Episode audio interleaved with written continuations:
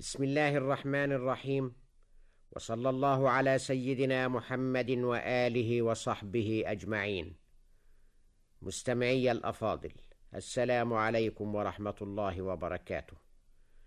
صحابية اليوم من بيت رفيع العماد بمكة فهي أخت السيدة ميمونة بنت الحارث زوج النبي عليه الصلاة والسلام لأمها وهي أخت جماعة من الصحابيات الجليلات. ثم هي زوجة لمن هو أكرم شيخ وأعظم شاب. تلك هي أسماء بنت عميس ابن معد وقد يقال له معد الخثعمية. وأختها لبابة أم الفضل امرأة العباس رضي الله عنه. كان جعفر بن أبي طالب أول من تزوجها وهو ابن عم الرسول عليه السلام الذي قيل فيه إنه كان أشبه الناس برسول الله صلى الله عليه وسلم خلقا وخلقا. والذي أسلم بعد قليل من إسلام أخيه علي بن أبي طالب كرم الله وجهه. إذا كان هذا قد قيل في جعفر رضي الله عنه فقد قيل في أسماء عن حق إنها كانت من أوائل الصحابيات اسلاما وحسبها في ذلك أن يكون إسلامها قبل دخول النبي عليه السلام دار الأرقم وبايعته عرفت أسماء النبي المصطفى قبل أن يبعث فما رأت فيه عوجا وعرفها النبي فما رأى فيها إلا خيرا وإلا نفسا فرضت عليها ظروف الزمان والمكان يوم ذاك أن تعد من أهل الجاهلية وما هي منهم شركا وإن كان جو مكة. بل جو الجزيرة العربية كلها يتنفس بالشرك وبالكفر. فلما آن للحق أن ينبلج وللفجر الصادق أن يطلع وللنبي أن يبعث وللكفر أن تتزلزل قواعده بالنبوة يسوقها الله عز وجل لمحمد وللسيدة خديجة رضي الله عنها أن تسلم ولعلي أن يهديه الله صراطه المستقيم بادرت أسماء بنت عميس فتنصلت من الجاهلية وأوزارها لتنطق بالشهادتين عن يقين وتؤمن بالله ربا وبمحمد رسولا وبالحنيفية السمحة دينا. فرحب بها الرسول عليه السلام فهذه امرأة صادقة شريفة تنضم لموكب المسلمين والمسلمات وإنه إن تدخل الإسلام أسماء بنت عميس فذلك كسب للدين. يتلوه كسب إن شاء الله تعالى بالصالحات الطاهرات المقتفيات أثرها السالكات سمتها. وكانت أسماء عالمة ذكية. قيل إن أمير المؤمنين عمر بن الخطاب كان يسألها تفسير الأحلام.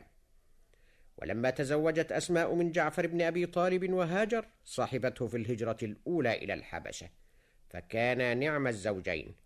وولدت له هناك عبد الله ثم ولدت له بعد ذلك محمدا وعونا.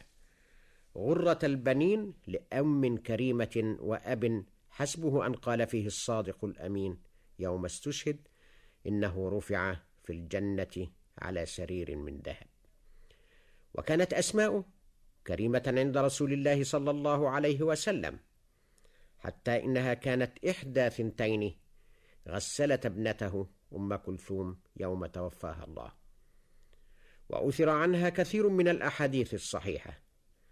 ولما استشهد زوجها جعفر الطيار يوم مؤتة ولم تكن أسماء قد علمت باستشهاده دخل عليها الرسول عليه السلام وكانت قد هيأت طعاما كثيرا وخبزا.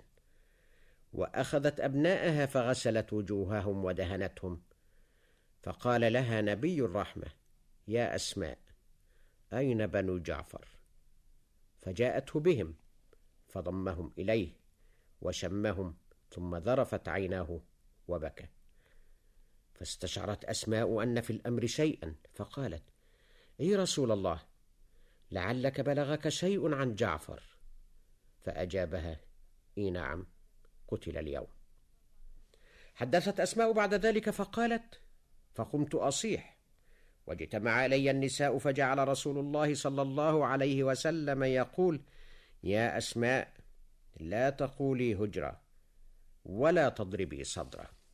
ثم خرج رسول الله عليه السلام ودخل على ابنته فاطمة الزهراء وهي تقول وعماه فقال لها أبوها سيد البشر على مثل جعفر فلتبكي الباكية ثم زوجها عليه السلام من الصديق بن أبي قحافة فاستولدها محمدا الذي حين قتل بمصر قامت أسماء إلى مسجد بيتها فلزمت فكظمت غيظها حتى شخب ثدياها دما.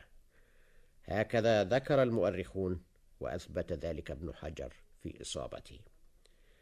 وذكر المحدثون أنه روى عنها من الصحابة عمر بن الخطاب وأبو موسى الأشعري وابنها عبد الله بن جعفر وابن عباس وعبد الله بن شداد وعروة بن الزبير وغيرهم مما يفصح عن مكانتها كصحابية وراوية للحديث الشريف.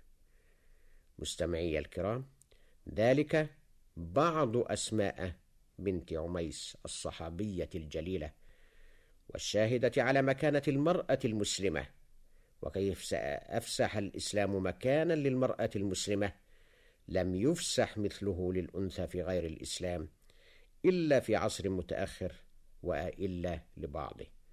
ونستودعكم الله إلى غد إن شاء الله تعالى. والسلام عليكم ورحمة الله وبركاته.